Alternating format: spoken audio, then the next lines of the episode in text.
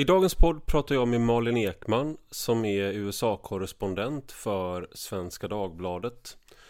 Hon är aktuell med en ny bok med titeln Skymning i Amerika Berättelser om ett annat USA. Och det, det, är en lite ovanlig bok i en svensk kontext för att den fokuserar inte främst på Trump, alt-right eller överlag republikanerna och hur dum den amerikanska högern är. Missförstå mig rätt, det finns väldigt mycket man kan säga om det. Men i Sverige är det också det absolut vanligaste perspektivet. Särskilt hos journalister, korrespondenter och liknande. Eh, det är som att Sverige är en eh, del av det demokratiska eh, partiet i USA. Den här boken fokusera på frågor som jag själv och många andra eh, debattörer som ofta kommer från höger har fokuserat på de senaste åren. Och det är identitetspolitik, woke, hur radikaliseringen av demokraterna påverkat USA och jag tycker det är en väldigt intressant bok just därför för att eh, jag tycker samtidigt att Malin Ekman får fram nyanserna och hon blir aldrig en opinionsbildare utan det är journalistens blick men materialet är vad händer med den amerikanska vänstern just nu? Och den bredare frågan då, vad händer med det amerikanska samhället och den polarisering som vi nu ser? Nu till dagens gäst. Du lyssnar på Rak Höger med mig, Ivar Arpi.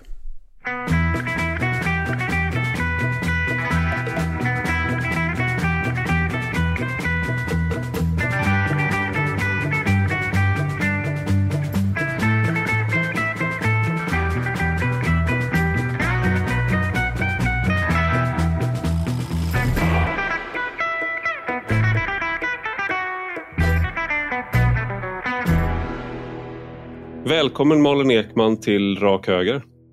Tack så mycket. Du, vi kom just fram till att eh, jag, det är väldigt varmt där jag sitter, men jag sitter utanför Uppsala så det är typ 26 grader eller någonting i skuggan. Men du sitter på Manhattan eh, och det är lite varmare hos dig. Men det är nog ungefär lika varmt just nu bara för att klockan är nio på morgonen här. Men eh, det blir väldigt varmt på dagen och eh, vi har dessutom den här röken från, från Kanada den här helgen. Just det. Ja. Ja, det är my lite mysigt med lite smog. Eh, men du, mm. hur länge är det du har bott? För du är USA-korrespondent för Svenska Dagbladet. Eh, mm. Så vi är inte kollegor längre, men vi var kollegor. För du, började, du började som USA-korrespondent i alla fall 2019. Ja, precis. Ja. Det gjorde jag i september. Och Varför tackade du ja till det? Eller mm. sökte du det? men jag hade sagt eh, tidigare att jag var, att jag, att jag var intresserad eh, om, det skulle, om tjänsten skulle bli ledig någon gång i, i framtiden. Eh, så, men sen så var det ju en... Eh, så, så jag sökte ju faktiskt inte, men sen frågade de mig då när, när det blev ledigt. Men sen så var det ju en, en process med massa... Alltså, det var en, en, en, riktig process med massa ansökningar, så det var lite svettigt där ett tag. Jag var jättenervös mm. för hur det skulle gå om jag skulle få det. Ja. Mm. Och för du, du kom ju verkligen, alltså du blev USA-korrespondent i en av de mest intensiva perioderna i åtminstone modern amerikansk historia. Det är väldigt svårt att komma, tänka sig. Jag kan, inte, jag kan inte påminna mig om eh, någon period som har varit mer intensiv i alla fall med ja, George Floyd-protesterna, Black Lives Matter, mm. pandemin, Donald Trumps eh, eh, liksom, president, eh, första mandatperiod och sen valet och så mm. stormningen av Kapitolium. Så hur har det varit att bevaka USA under den här perioden? Nej, men det, är intressant, eh, det är intressant vad du säger, för att när jag kom hit då 2019 så, så trodde jag nästan att jag hade missat den, den mest intensiva perioden, för det var ju slutet av, av uh, Trumps, uh, Eh, liksom, i alla fall första mandatperiod, för att se vad som, vad som händer. Och, så, och då det har varit så otroligt intensivt eh, dittills. Men sen så, jag tror det dröjde bara ett par veckor innan den första riksrättsprocessen eh, kom. Eh, och sen all, allt som du beskriver med pandemin och Black Lives Matter och, och, och Floyd. så, så det, har var, det har absolut varit, eh, varit intensivt. Sen, sen har jag en, eh, eh, alltså på, på ett sätt en, en tacksam roll. Där jag behöver inte rapportera exakt allting som sker utan, utan kan liksom välja ut, eh, liksom göra nedslag eh, på mm. olika ställen. Så, att, så det är i alla fall eh, eh jag, jag, tror att om du är korrespondent för eh, SVT till exempel så kanske det är ännu, ännu mer intensivt på det sättet. Men det är klart att det, eh, att det är väldigt intensivt. Anledningen till att, eh, även om det är såklart väldigt trevligt att prata med dig, så är det också finns en, eh, en, eh, ett eh, motiv till att jag bjöd in dig. Och det är att du har kommit ut med eh, boken Skymning i Amerika som är en... Eh, det är flera av dina reportage och sen, som man, man, du sammanfattar egentligen de här extremt intensiva åren i USA. Men någonting som skiljer den här boken från många andra svenska böcker som har kommit om USA det är att du, så, om du skildrar radikaliseringen av den amerikanska vänstern av demokraterna. Eh, du får protestera, du, du skildrar fler saker mm. än så men det är en av de sakerna som eh, du skildrar. Och Varför valde du att lägga fokus där? Nej, men jag, jag tror att många, många journalister har länge sagt att man vill försöka beskriva varför, varför amerikaner röstar på, på Trump och sådär. Eh, men, men jag tycker kanske inte riktigt att man lyckats göra det för att man har bara tittat på, på högen. Och, eh, liksom, jag tror att man måste zooma ut och också förstå samhället från, eh, liksom, också från vad som har skett eh, i det demokratiska partiet och inte bara i det demokratiska partiet utan i, i eh, liksom vänsteretablissemanget eller etablissemanget eh, överlag och, och i, eh, liksom på arbetsplatser, arbetsplatser och, skolor och dagis och, och liksom att, att det verkligen också bidrar till att eh, förklara varför, varför eh, människor väljer att rösta på en sån Eh, kandidat som Trump. Eh, och, också, och jag tror att det, det var nästan förbluffande för mig, för att när jag var i, i, i Sverige så det hände att jag skrev om USA. Och, men jag inser liksom nu när jag är här hur påverkad jag var av vad andra eh, svenska eh, prominenta eh, skribenter skrev och, uh, Vill du namnge några? Nej, uh, utan, utan mer... Liksom, För jag kan namnge flera. okay. Uh, nej, jag vet inte ens vilka det liksom. Jag tror bara att jag, mm. att jag liksom... jag inser nu hur påverkad jag var av en, av en diskurs. Mm. Och också hur påverkad jag var av liksom, amerikanska medier, vad de skrev, hur jag rakt av liksom, accepterade de förklaringarna. Och sen när jag kom hit och liksom eh, träffa människor från, från höger och vänster i bokstavlig bemärkelse så, mm. så såg jag liksom saker annorlunda och, och insåg liksom hur mycket som, som inte kom fram och hur mycket också på något sätt tokigheter som också existerar på, på den andra sidan, så att säga. Och att, mm att de också förklarar någonting. Men en sån där sak där man eh, man tror att det är på ett visst sätt och sen eh, träffa människor. Det är ju det, är ju det på något sätt som man, man har journalister till. Eller det är det man hoppas att en eh, journalist ska göra. Alltså att vi, man går runt, vi alla går runt i massa föreställningar och eh, bilder men så är det någon som åker ut till där den faktiska händelsen eh, äger rum och prata med människor, ta med fotograf och så får man, nej men det är bara delvis rätt, det här är den hela bilden eller sådär. Och sen då kan vi som går runt i våra egna liv eh, få en mer en bättre bild av det.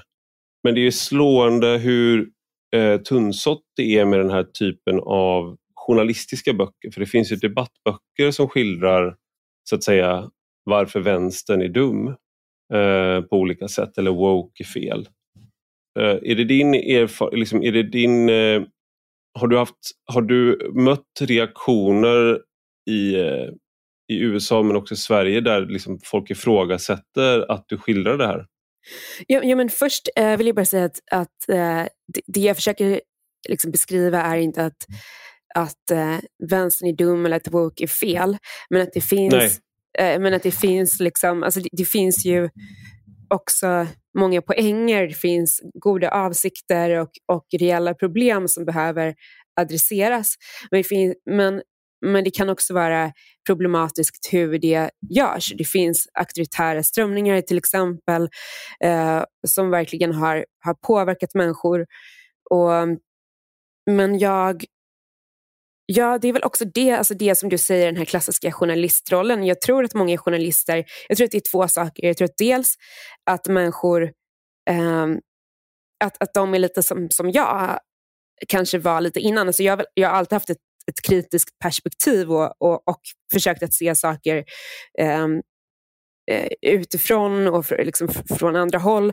Och, och det är någonting som, som läsare har, har sagt att de har uppskattat redan före jag, för, för jag blev USA-korrespondent. Men, men, liksom, men jag tror ändå att jag kan ändå se den tendensen hos mig själv nu så här, i efterhand. Jag tror att, att det dels kan handla om, om det, att man helt enkelt inte ser sin egen bias eller den kontext som man själv är, är del av. Jag tror inte att det, att det är så överlagt. Att det är, alltså, inte som att det är någon stor konspiration.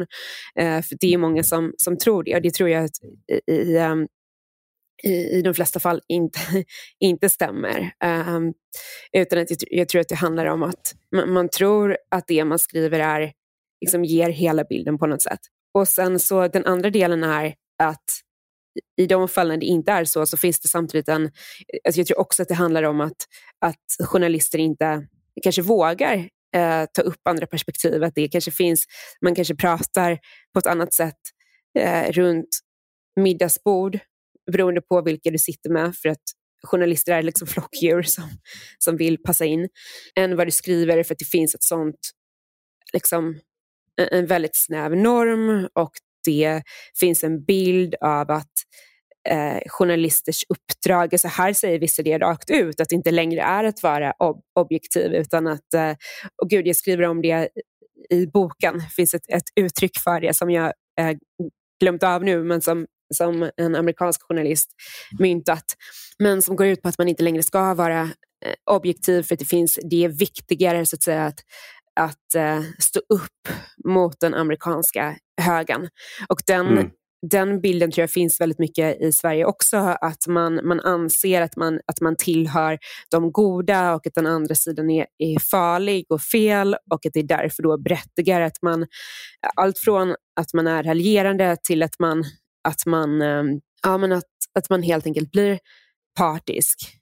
Och, mm. och också att alla andra gör samma sak. Så det finns liksom, du behöver inte betala ett pris för det, utan tvärtom så får du betala ett, ett pris om du, om du liksom försöker bryta mot det och göra ett mer klassiskt eh, journalistiskt förutsättningslöst jobb. Och, ja, och, det, och det försöker jag verkligen. Och det, och det nämnde du också att, att eh, innan vi påbörjade inspelningen här, att, att du att din ambition är att vara trolös mot, mot alla. Liksom. Att, och, mm. det, och, och, så är det ju verkligen. att Det, det, är, också, det är också någonting att, som det gäller att eh, se upp för. Att man inte liksom, stryker sina nya fans medhårs, liksom, utan man måste, måste eh, vara, liksom, våga vara kritisk åt vad man än bevakar, så att säga. Mm. Det var intressant efter 2016, när, efter valet av Donald Trump och så var det ju Brexit, det var det här ett revolutionsår kan man kalla det på något sätt. Men det var framförallt så var det ett år där eh, förstå sig på fick fel om flera saker. Att man hade sett, man trodde att eh, Hillary skulle vinna. Man trodde att eh, Brexit-sidan skulle förlora. Och det kom flera intressanta böcker ungefär i samband med valet av Trump och intressanta texter där man journalister, amerikanska journalister framförallt som skrev jättebra programförklaringar. Så här, vi har varit för dåliga på att skildra de väljarna som röstade fram Donald Trump. Och eh, liksom, Vi har inte gjort vårt uppdrag. Men sen var det någonting som hände med journalistiken. Det är, liksom, och det, det, är väl lite det du är inne på. Du är inne på det i boken också, mm. att just de här normerna för vad, för vad... Det var som att man gav upp på liksom, konsekvensneutral journalistik, det nyfikna och såg att Donald Trump kallar oss för fiende. Mm. Då måste vi också på något sätt eh, bli hans fiende. liksom ha, ha inte, för det här att vara förutsättningslöst granska och skildra, det räcker inte. Och det, där, det där tycker jag är ganska, det är ganska skrämmande, eh, den utvecklingen. Och hur, hur ser den mm. ut idag, skulle du säga? Eh, nej, men jag tänkte precis på det när, när du sa det här att eh, det verkar inte som att man har lärt sig, av, eh, lärt sig läxan. Eh, en sak jag tänker på nu är eh, Robert F Kennedy Jr som då är demokratisk kandidat men som också delar vissa politiska uppfattningar med, med den amerikanska högern och som också är kontroversiell på grund av sina vaccinpåståenden. Eh, mm. som, eh, som ju då rör sig någonstans mellan det som brukar uppfattas i alla fall som konspirationsteorier och kanske också är det. Eh, och liksom, i alla fall ehm, påståenden som, som, eh, som inte alltså, accepteras av eh, majoriteten eh, forskare. Och han, mm. han, han har då också skrivit en, en bok och, eh, som, som ju då blivit en, en bästsäljare.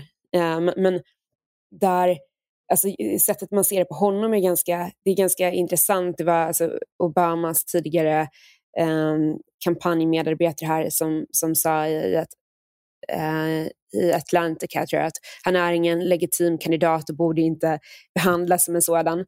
Och det är så man, eh, alltså att man gör lite samma sak, att man bara man, man förtiger liksom ett, ett uh, fenomen. Mm. Uh, och, och det tycker jag är intressant, att man liksom verkligen repeterar det på något sätt. Och, mm. och liksom alla, alla som inte uh, är med oss förtjänar inte att tas på allvar. Och han har ju då fått uppemot 20 procent i vissa opinionsmätningar mot, eh, mot Biden och är väldigt, mm. eh, väldigt populär. Och sen är, sen är det också intressant hur man, hur man porträtterar honom för att alltså, även för mig så framstår han som en spridare av eh, konspirationsteorier. Men sen när man tittar närmare på vissa saker, så, så hur han formulerar sig, så, så eh, till exempel så, så alltså, Alltså man, man förenklar väldigt mycket vad, vad han säger och avfärdar honom totalt istället för att liksom bemöta honom i sak och verkligen så här, eh, titta på vad han faktiskt säger. Det kan handla om dels han kritiserat eh, hur alltså, covid-politiken under pandemin och hur liksom hela samhället stängdes ner och det fick för konsekvenser. Också det här att man mm. ett barn. Och han säger då att han, inte, att han faktiskt inte är vaccinmotståndare fast, fastän att han presenterar som det, utan att han är för säkra vaccin.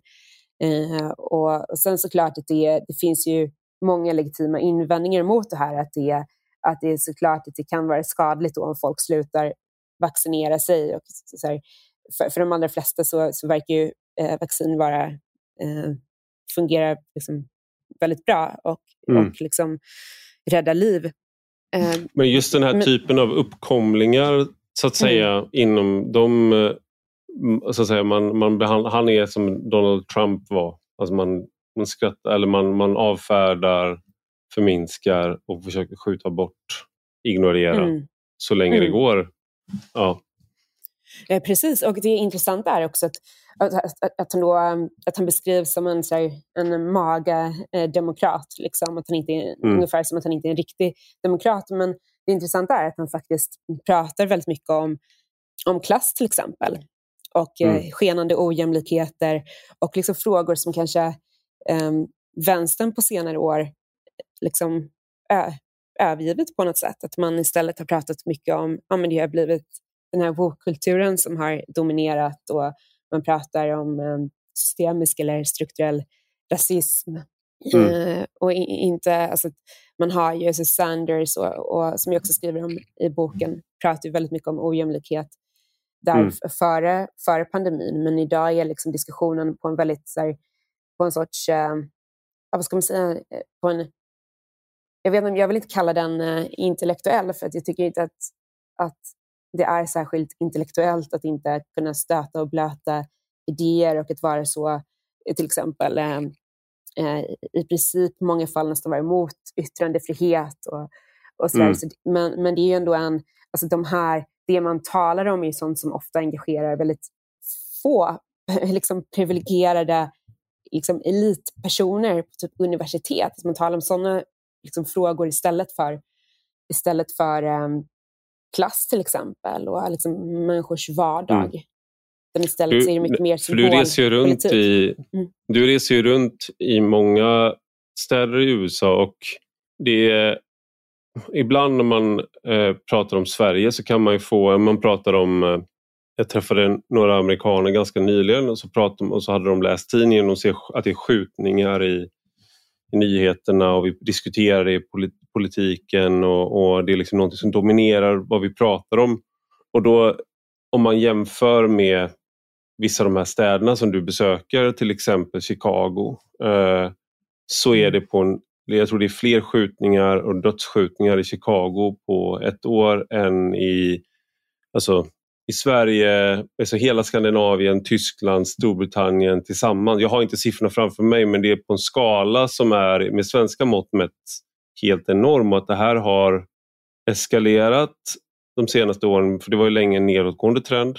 Men sen någonting som du visar också är ju att det här med i samband med eh, George, eh, George Floyd-protesterna och Black Lives Matter så var ett, ett av slagorden var Defund the Police och mm. man drog ner på polisen i många städer. Och kan, man, kan man säga att en konsekvens då liksom av det här med att man har dragit tillbaka man kritiken mot polisen, att det har blivit mer kriminalitet? Ja, eh, det är ju, alltså det har man ju sett, det, det, kan man se rent statistiskt att det, att det är så. Eh, och det beror ju dels på, dels på som du beskriver, att man i, i flera eh, städer då till exempel faktiskt eh, dragit ner på polisen. Jag läste också en artikel senast i, igår som handlade om Portland i Oregon eh, där eh, människor nu, alltså tidigare har man haft en befolkningstillväxt på ungefär 20 procent per år, nu minskar den med 3 procent. Och, mm. Eh, och där, har det ju, eh, där, där var det till exempel så att man, man man eh, drog ner på, framförallt på en avdelning som, som eh, som arbetar med gängkriminalitet och eh, eh, alltså vapenvåld eh, då mm. för att tillmötesgå eh, eh, demonstranterna. Eh, och då har man gjort samma sak i, i eller också dragit ner på polisen i Seattle till exempel och på andra ställen. Så det är det hör absolut ihop. Sen handlar det också om, om att man redan tidigare haft en, en, politik där man till exempel inte, inte straffat drog handel särskilt hårt till exempel och man, man, låter, man har en sån låt-gå-mentalitet. Och, den mm. har ju, och då när det problemet med liksom, drogmissbruk, så öppen droghandel blir ännu större och man inte gör någonting åt det så klart att det också blir, att det bidrar till en, en ond spiral.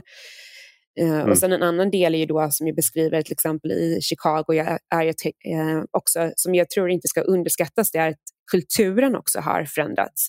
Alltså Eh, det handlar om att polisen inte längre känner att de har, att de har ledningens eh, stöd, utan mm. att de snarare då står på, på, på de kriminellas sida eller på, på eh, alltså i varje fall inte på polisen. Så jag, jag intervjuade en kvinnlig polis som hade, hon hade liksom skött allting som hon, som hon skulle ute på, på brottsplatsen och sen så hade hon Eh, och det, det kan man ju förstå också är allvarligt. Hon hade det varit en, en dödsskjutning och det fanns en, en, en eh, bebis i, i bilen och då hade hon lämnat den till, jag tror mamman hade, mamman hade eh, skjutits till döds och då hade hon lämnat eh, barnet då till, eh, till sin pappa, alltså till barnets mm. pappa.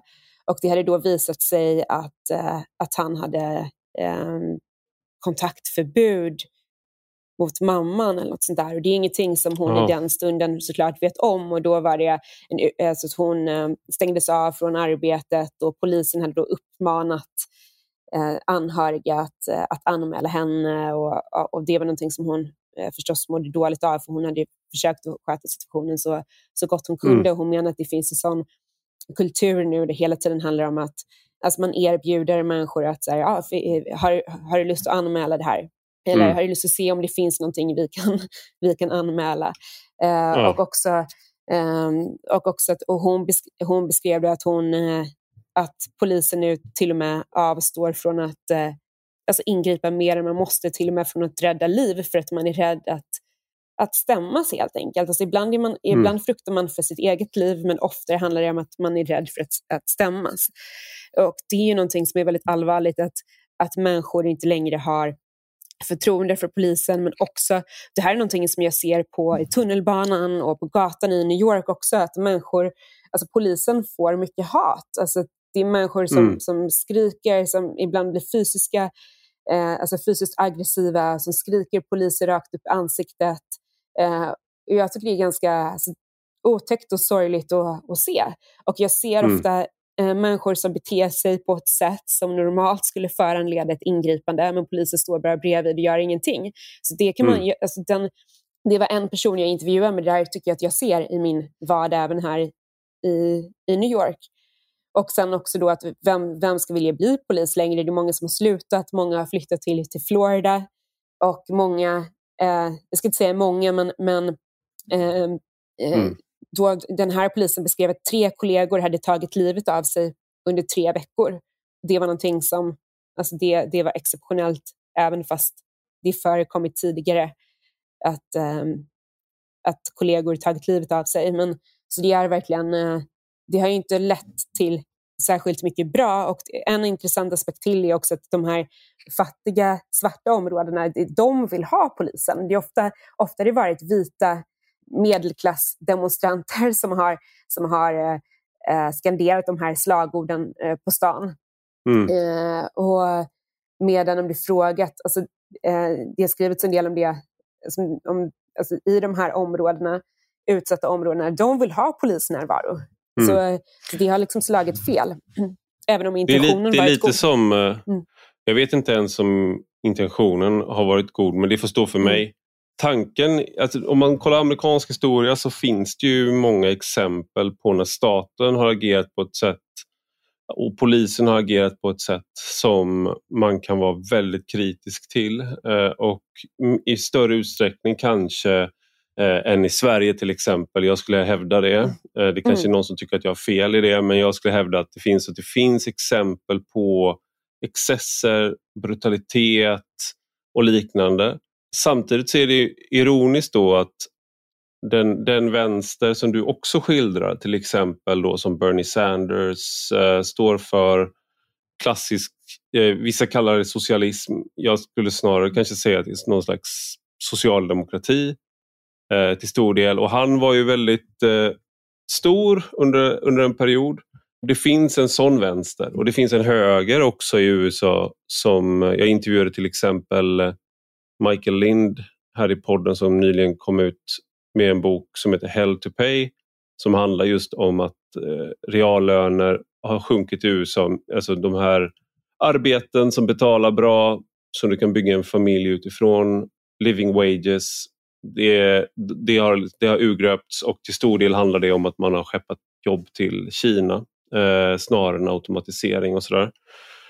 Eh, han tillhör väl snarare den högen som också ibland Tucker Carlson sägs tillhöra. Eh, man vill ha, liksom, man pratar om klass helt enkelt även där. Men då är det som att man har fått det sämsta från vänstern. det vill säga inga poliser, men du har också inte fått, men du har inte fått liksom, eh, det andra. Alltså du har inte fått, om det hade varit så att okay, vi avskaffar polisen mm. men vi genomför också de här välfärdsprogrammen som då eh, och arbeten, alltså få, få människor i arbete i de här fattiga områdena. Det har man inte lyckats med. Mm. Alltså hur, hur är stämningen då i de här liksom, områdena som San Francisco, jag vet inte om vi nämnde det, men det, det är ett av de här områdena som har varit då styrts av progressiva politiker under lång tid. Portland, alltså är man, är man nöjd då? Fortsätter man att rösta fram samma politiker eller liksom, hur, hur är stämningen där? Uh, nej, det är det man, man, uh, man inte gör faktiskt. Eller man gör det till viss del, men man har också till exempel i San Francisco så, så avsatte man uh, distriktsåklagaren då, som inte hade väckt åtal. Jag tror det var om, inte, inte mer än, liksom, det var mindre än en handfull på, på flera år mot, mot alltså, vad gäller drogförsäljning till exempel. Och alltså, San Francisco är verkligen, alltså, ser ut som en apokalyps downtown. Mm. Och det kan, du, det kan du säga som har varit där, för jag har inte varit i San Francisco. Så då blir man ju så här att man undrar mm. när man kollar på bilder, bara, får jag verkligen se det som stämmer nu? Eller är det bara en, eh, en eh, så här hellscape för att få mig att bli upprörd och förfasa mig och fortsätta läsa eller kolla? Alltså, eh, jag kan bara säga utifrån när jag har varit där att det är, det, det är den här misären är, är utbredd och väldigt synlig. Och mm. när jag har varit där har det inte varit några kameror i närheten men det har sett lika, lika illa ut. Och, och samma sak i andra städer längs eh, västkusten. Och, och det, det intressanta är att man är Alltså det här är ju människor i de här städerna, ofta höginkomsttagare som är eh, progressiva politiskt, i alla fall socialt. Alltså ofta står man, kanske man eh, förespråkar en mer konservativ ekonomisk politik men en mer men, eh, men en progressiv eh, socialpolitik. Eh, mm.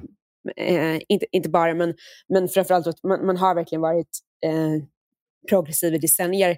Men det som har skett då efter de här, det här liksom, skiftet som liksom inte går att blunda för. Efter 2020 så har man börjat välja eh, fler eh, liksom, konservativa företrädare. Mm. Även om det inte det är inte så att de alltid har vunnit. I vissa fall är det så också att de har gått bättre än tidigare. Mm. Alltså det är ju, man är ju fortfarande alltså, progressiv mm. i, i, de här, i de här delstaterna. Men, eh, men ser också att det, att det är någonting som har, som har hänt och att det inte kanske är hållbart. Och att människor lider också. Mm. För det är en sån där sak som är, den skalan är svår att förstå tycker jag när man tänker på hur, hur rikt USA är om du kollar på siffror med BNP och alla sådana där saker. Mm. Och du har de mest framstående företagen i världen, de största företagen. Eh, de, det, är ju, det är ju en ekonomisk supermakt, militär supermakt men det är så, så mycket hemlöshet i vissa städer särskilt, särskilt och så utbrett opioidmissbruk mm. och så oerhört stark, alltså, och så mycket eh, mord och våldsbrottslighet på en skala som också är svår att förstå. Eh, är, mm. alltså, jämfört med det värsta utsatta området i Sverige så är det liksom det är ändå eh, Bullerbyn i jämförelse med delar av Baltimore eller, eller sådär. Och hur, liksom, hur tänker amerikaner kring att den här, liksom, den här lyxen, framgången och rikedomen samexisterar med en misär som kanske snarare hör hemma i ja, alltså ett, ett eh, mycket, mycket fattigare land i en helt annan del av världen.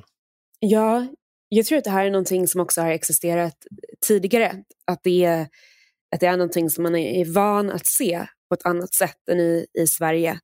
Och mm.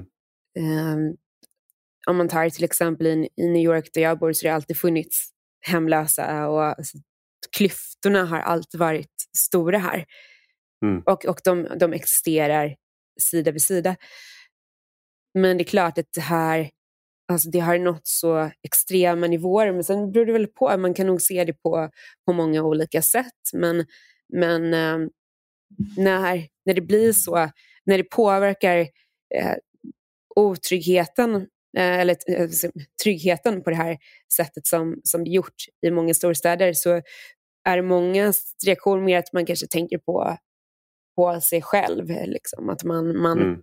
Många flyttar till andra delstater, så Florida till exempel som ju är numera en, en, eh, en konservativ delstat många har flyttat dit, speciellt många välbeställda människor. Och många har eh, angett just kriminaliteten och otryggheten som, som skäl. Eh, men också mm. då eh, också faktiskt eh, skattepolitiken. Att du har ingen eh, inkomstskatt på delstatsnivå, så det är ju liksom, i praktiken så, så, ehm, så vill man kanske inte ha den här progressiva politiken, men det gäller även om man sympatiserar med den många gånger i, i, i teorin. Men jag tror mm. att det här är någonting som, som eh, Demokraterna måste prata om, för att det är någonting som deras väljare, deras, deras eh, demokratiska väljare ser i sin mm. vardag. Mm. Så det är nog svårt att, att blunda för det. Sen kan säkert många väljare fortfarande då tycka att det är viktigare att, att stå upp mot, mot Trump, så att man ändå väljer att, att rösta demokratiskt. Men eh, det är absolut någonting som, eh, som människor pratar om och som, som påverkar deras vardag. Så, här finns det, finns ju, det finns ju en ironi här att eh, woke, det är en kritik, jag har ju debatterat de här frågorna i, ehm, i a, hela tiden när jag varit i offentligheten och, eh, liksom, och hur de här idéerna kommit till Sverige och sådär. Men någonting som också framträder tydligt i USA är ju eh, kanske ännu mer, det är ju att många av de eh, trag många tragiska öden som finns i USA som är i rostbältet med eh, liksom opioidkrisen och fentanylkrisen med Eh, vita amerikaner som, eh, där medellivslängden går ner, självmord är den vanligaste dödsorsaken för vita män i en viss ålder utan utbildning och, och sådär. Samtidigt som de delar väldigt många av sina problem med svarta i andra områden. Men på grund av woke, på grund av identitetspolitik så, så, så kom, hamnar de på olika sidor. Men om, om, du, om Pew Research Center frågar dem om sina preferenser, om vad de tycker är en rimlig eh, inkomstskillnad mellan en VD och en eh, arbetare på fabriksgolvet så är de väldigt lika i sina svar. Mm. Eh, och det där är ju en särskilt amerikansk tragedi också på något sätt. Att man, mm. eh, även republikanska väljare är missnöjda med eh, jobbpolitik, man är missnöjd med hur ekonomin fungerar och man, är också, man har också en felaktig bild av hur ojämlikt USA faktiskt är. Men här, är, här undrar man ju då, för det är också något som framträder i din bok, är ju hur otroligt polariserat landet är. Så det jag säger nu det är ju någon slags pipe dream eh, och eh, att, de skulle, att det skulle gå att mötas där. Eller, eller hur, hur, är liksom, hur, hur polariserat är landet? Ibland hör man till de amerikanska pandit som pratar om inbördeskrig. Sådär. Mm, precis, ja, men det är, eh, vad du säger nu är, är centralt tycker jag. Just att, att det, det finns väljare med liknande situation både bland demokrater och republikaner. Och det är verkligen någonting man ser. Man pratar ju inte så mycket om klass. Det är också någonting jag skriver om i, i boken, att det nästan är lite tabu att prata om, om klass. Och eh, under eh, Black Lives Matter så var det till exempel eh, människor som, eh, som blev alltså, cancelled för att de nämnde att socioekonomiska faktorer också spelar in. Så Det var mm. någonting som man nästan inte fick prata om eh, fastän att det är, spelar jättestor eh, roll. Mm. Eh, och Det har kanske också då med, med eh, alltså den amerikanska drömmen att göra, om att, att alla ska, att var man i sin egen lyckas med och också om att den här rörelsen, eh, jag ska inte säga att den är en elitrörelse, men det, den är någonting som alltså, etablissemanget eh, talar gärna på det här sättet och tillhör ju själv en, en liksom, ekonomisk överklass. Då är det lättare att prata om andra, om andra faktorer kanske. Mm. Uh, men, men det är också intressant, jag tänker på det, alltså i, igår här så, så kom Högsta domstolens beslut om att eh, det strider mot konstitutionen med eh, kvotering efter ras. Och det här är mm. någonting mm. som, eh, som eh, det var ett väntat beslut men som, som ledde till, till liksom stor uppmärksamhet och eh, många, många protester och var, liksom, toppade nyhetssajter, över livesändningar hela dagen kring det här. Eh, och det är intressant för att det är då en fråga som verkligen tangerar det vi, vi pratar om just med, med klass och sådär. För att det man eh, det då eh, konservativa säger är ju att, att, att, en, att en individ inte ska dömas ut efter sin hudfärg utan sin, sin karaktär, sina ehm, ambitioner och, och liksom, ja, mål i, i, i livet, sin personlighet. Mm. Och, och medan då eh, kritikerna säger att, eh, eh, vilket de ju också har, har rätt i, att, eh, att det också finns en eh, att vita privilegierade har kvoterats in i alla tider. Och det stämmer också för att man, man eh, det är lättare att komma in om dina föräldrar är bidragsgivare, om de har gått på, på, på de här eh, elitskolorna själva mm. eller om du är barn till, till, ehm, till personal. Mm. Så, så det stämmer.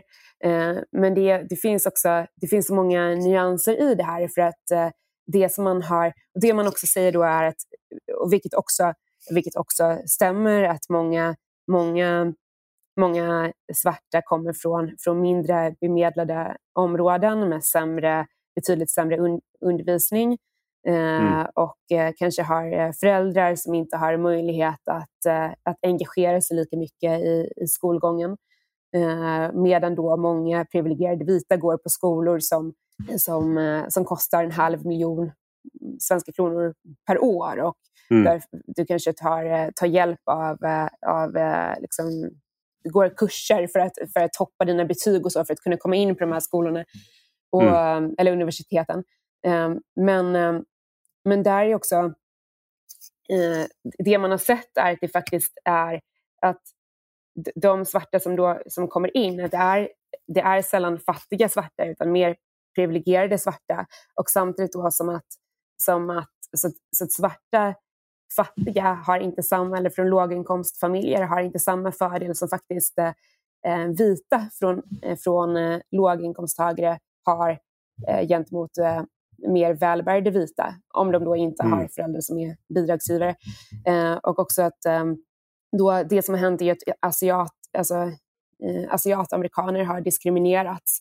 Och det finns eh, jag skriver om det, jag vet inte om texten har publicerats ännu, men att, att eh, om en asiatamerikan med ett, ett givet eh, betyg och olika kvalifikationer har 25 procents chans att komma in, så, så har en, en, en vit eh, ansökande då 36 procents chans och en, en svart 95 procents chans. Mm. Så alltså det är en stor... Eh, det har varit Innan en stor, förändringen. Ja, precis. Mm. Um, och det, då, det exemplet gäller, gäller Harvard.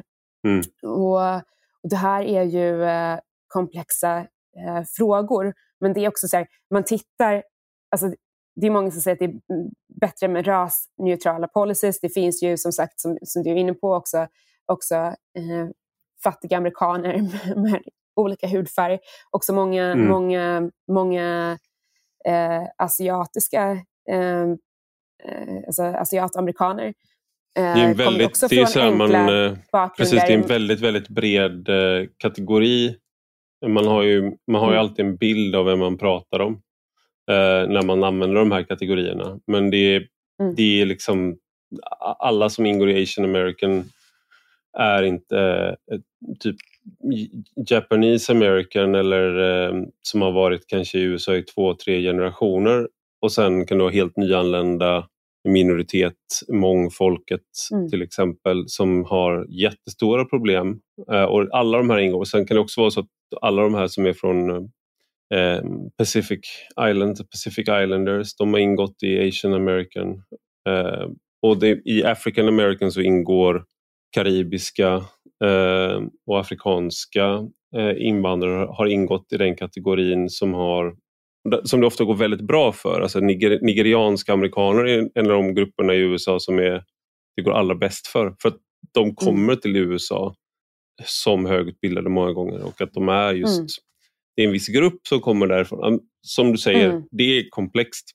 Ja, min, min granne är faktiskt en av dem. Hon är, hon är jätteduktig advokat och hennes mm. föräldrar kommer från Nigeria. Ja, precis, och, och, och det och det är ju, sen, och sen, det, det, är ju sant att, att det finns ett, eh, ett generationstrauma eh, för alltså, eh, svarta amerikaner som har förfäder som, eh, som levde under, under slaveriet och kanske till och med alltså, eller som var förslavade. Och, och det där är ju liksom, det är komplext att prata om. Där säger då konservativa att det, att det liksom är rasist, rasistiskt att, att, liksom, att göra att, att det blir ett sorts förtryck, att man ser svarta som offer också. Att de, alltså, mm. um, genom att, De låga förväntningarnas ja, rasism, eller vad man ska kalla det. Ja, ja.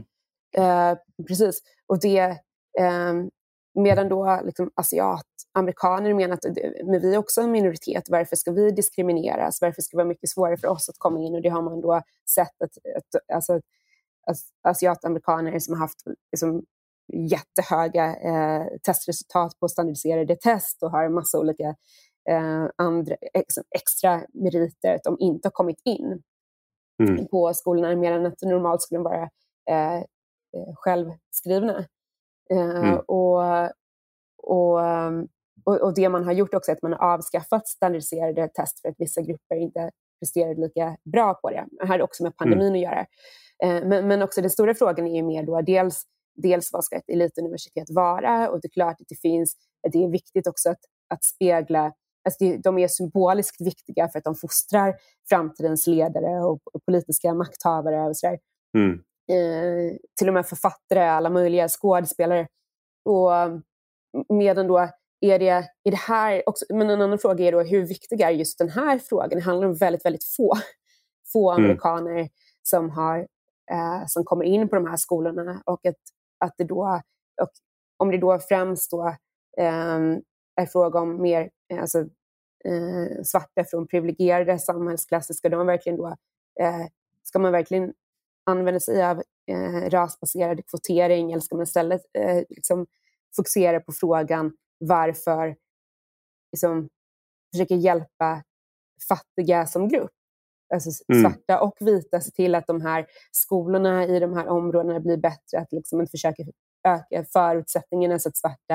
Alltså, det är ju så pass få ändå som, som får gå på Harvard. Det, den stora frågan mm. är ju mer att, att alltså på vilket sätt hjälper det alla alla miljontals fattiga svarta, att några kommer in på Harvard. Det är klart att det är symboliskt viktigt då att, att vissa eh, kommer nå topppositioner i näringslivet. Och, men, mm.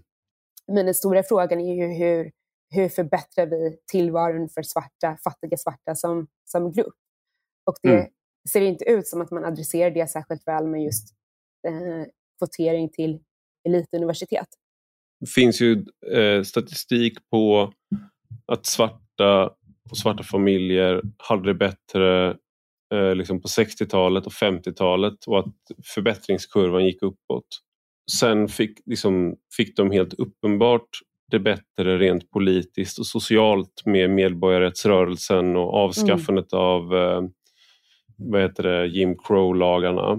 Men samtidigt ungefär så började man avindustrialisera stora delar av USA och det gjorde att svarta hade formellt hade mycket eh, fler rättigheter än vad de hade haft innan. Otvetydigt så. Mm. Men de fick, de, många blev av med jobbet, många fick problem och de jobben som svarta har idag har många gånger betalar väldigt mycket lägre och du blir beroende av du jobbar men du måste ändå få welfare eh, för att det är så låga löner. Mm.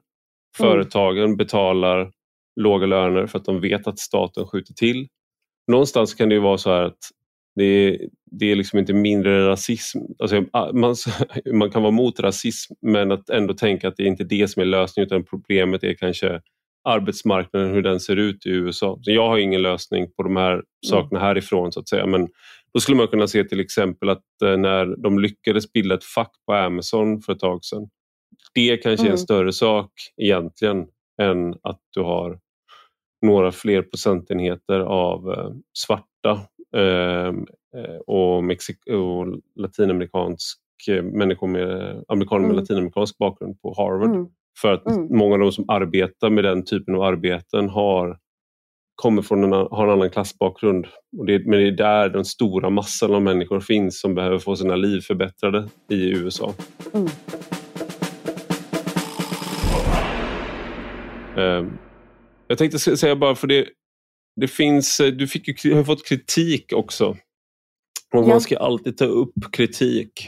Ja. Eh, så att det inte blir för trevligt.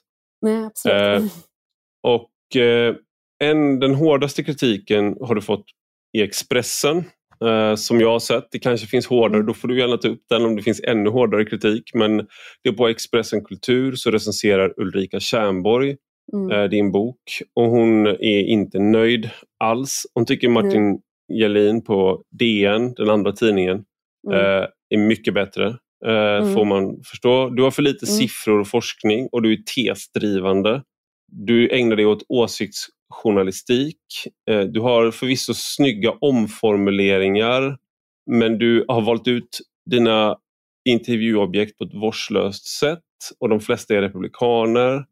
Och du berättar egentligen ingenting om de sociala och ekonomiska utmaningar USA står inför. Däremot skriver hon, berättar du desto mer om det halvdunkel som råder inom delar inom den svenska journalistiken. Slutcitat. Eh, känner du dig träffad och vad vill, du säga någonting som svar? Äh, accepter, accepterar du allt hon säger till 100 procent? Uh, men först vill jag bara säga att jag blev ganska chockad över att Expressen lät henne recensera. Det kanske var så att de inte visste om uh, bakgrunden, men hon borde själv ha, ha anmält sig som jävig för att jag hade recenserat uh, hennes bok kritiskt för några år sedan. Så det där, jag tycker mm. att det är otroligt, otroligt oprofessionellt. Jag blir helt chockad. Mm. Hon är en rutinerad kulturjournalist, så det tycker jag är liksom, uh, befängt faktiskt. Och, eh, själva, och jag tycker också att det är synd att man liksom, det visar just här, att jag tycker bara att hon befäster tesen att man inte vill ta, jag faktiskt inte, det är första gången jag hör just, alltså jag, jag valde faktiskt att inte läsa den för jag försöker fokusera på min, alltså jag vet jag borde göra det, för, men eh, Ja, jag vet inte. Jag, jag, jag, försökte, jag, försökte, vara väldigt fokuserad ja. på det jag skulle uträtta när jag var i Stockholm. Och så jag var så här, okay, jag måste fokusera på det, det jag ska göra. Eh, och, och, just då med den bakgrunden så kände jag bara att det var, det, det var lite svårt för mig att ta på allvar.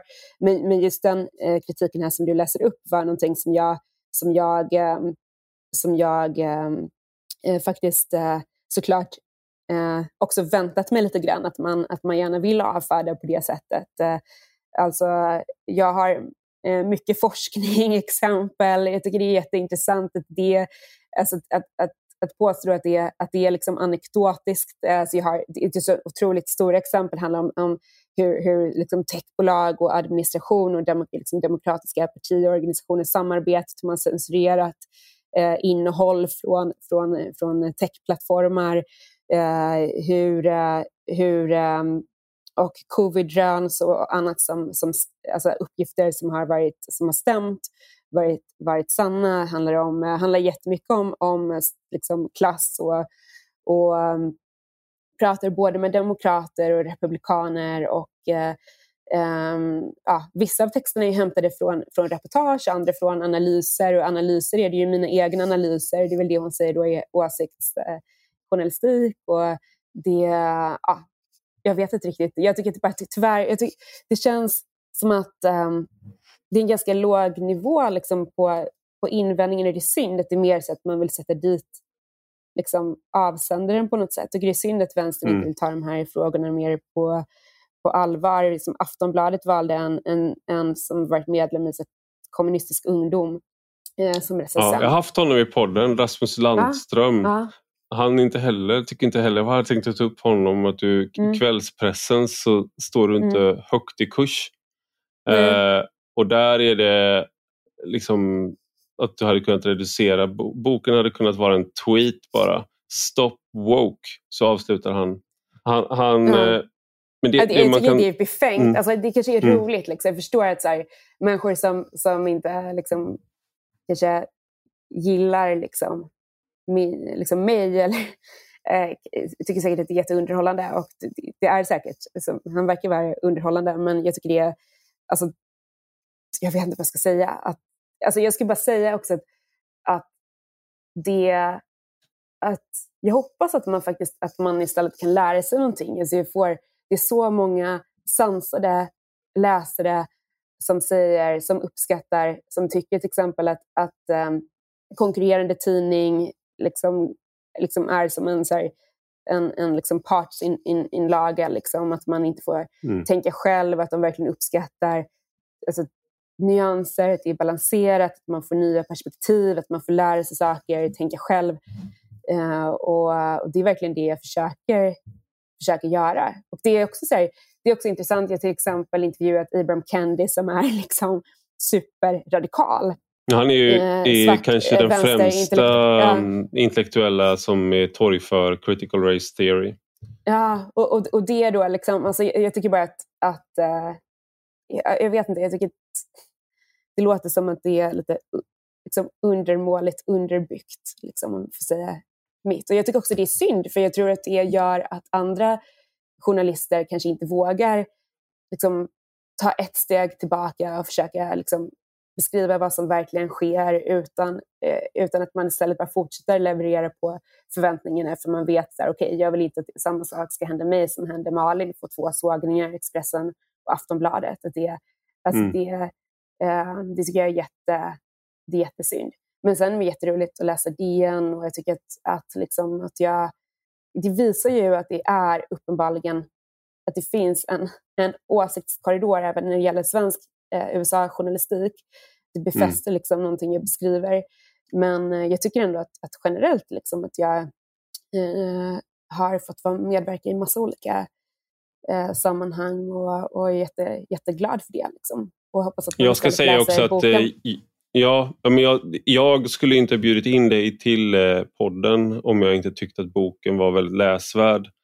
Och som man säger då, uh, jag tycker då att det finns, uh, jag har läst många böcker om Trump och Republikanerna och det finns väldigt mycket den typen av journalistik från svenska journalisters håll.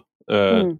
Så jag uppskattar andra typer av journalistik också. Det betyder ju inte att de andra, att det är ett ogiltigt förklarande av den andra sidan för då blir man ju på något, mm. på något sätt skulle jag säga att båda de här recensionerna, mm. är Expressen, den recensionen, där handlar det ju om att man ska få eh, en eh, misskreditera dig mm. som avsändare. Och sen så, så det är ju det är väldigt ironiskt egentligen med den här av, avslutningen då som är Eh, just det här att eh, det säger någonting om det halvdunkel som råder inom delar inom den svenska journalistiken. Det tycker jag Ulrika Tjärnborg eh, mm. redovisar på ett förtjänstfullt sätt. Just att mm. man låter förstå att det här är en journalist som har dåligt omdöme och då kan du inte mm. lita på någon, någon framställning. Du kan inte, du kan inte, man kan inte lita på de intervjuerna du gör för att du har valt ut intervjupersonerna med en tes, du är tesdriven och en tesdriven journalist som bara vill... Och sen har du vänstern som du då, mm. om vi då ska låta... Det är väl kanske orättvist men om vi låter Rasmus Landström representera det här. Mm. Då är det så här, det är inte det att de inte håller med om kritiken mot woke men de vill ha någonting annat i skildringen. De vill ju ha en kritik av den ekonomiska politiken, de vill ha en kritik av... Men jag måste säga att det, man får många av de där sakerna i boken. Eh, det är bara det att den tillfredsställer inte någon fullt ut eftersom det är människor du pratar med eh, och då får du deras historier och det, då kan du inte få en helt... Vill man, ha, vill man bli helt bestuken medhårs då, då läser man ju åsiktsjournalistik tänker jag. Ja, också, precis. Och det är också det som är grejen. Att det, det, det är också det som är meningen, att man ska inte liksom plisa någon ju, utan det är också det är ett tecken på att jag har eh, gjort vad jag vill göra. Att Mm. Att, liksom, jag vill inte att någon ska använda den som en, liksom, för att stärka sin egen tes, utan jag vill att man ska kunna eh, liksom bolla frågorna, diskutera, liksom utmana sina, sina ståndpunkter. Så mm. um, det där, och, och, och um, det finns också det, det är mass, massor av uh, demokrater och, och, demonstranter och vänsterintellektuella som har intervjuats i, i boken. Och Sanders har jag följt och Warren och och andra. Då hoppas vi på att du får recensera Ulrika Tjernborgs nästa bok då. Uh... Nej, nej, det skulle jag aldrig göra. jag, tror att, jag, tror att, att, uh, jag tror att hon var den med dåligt omdöme faktiskt. Stort tack Malin Ekman för att du var med i Rak Höger. Tack så jättemycket själv. Tack. Och stort tack till dig som har lyssnat. Gå gärna in och skriv en recension på Apple Podcasts eller i den app där du lyssnar på podden. Och detta är alltså en del av en större publikation på Substack med samma namn som podden. Och den som prenumererar där kan även ta del av de texter jag skriver. Gillar man det man läser och hör får man gärna bli betalande prenumerant för 5 euro i månaden eller 50 om året. Då får man ta del av lite exklusivt extra material också. Du hittar rubbet på ivararpi.se. Och har du några frågor eller synpunkter kan du alltid mejla mig på ivararpi substack.com. Vi hörs igen.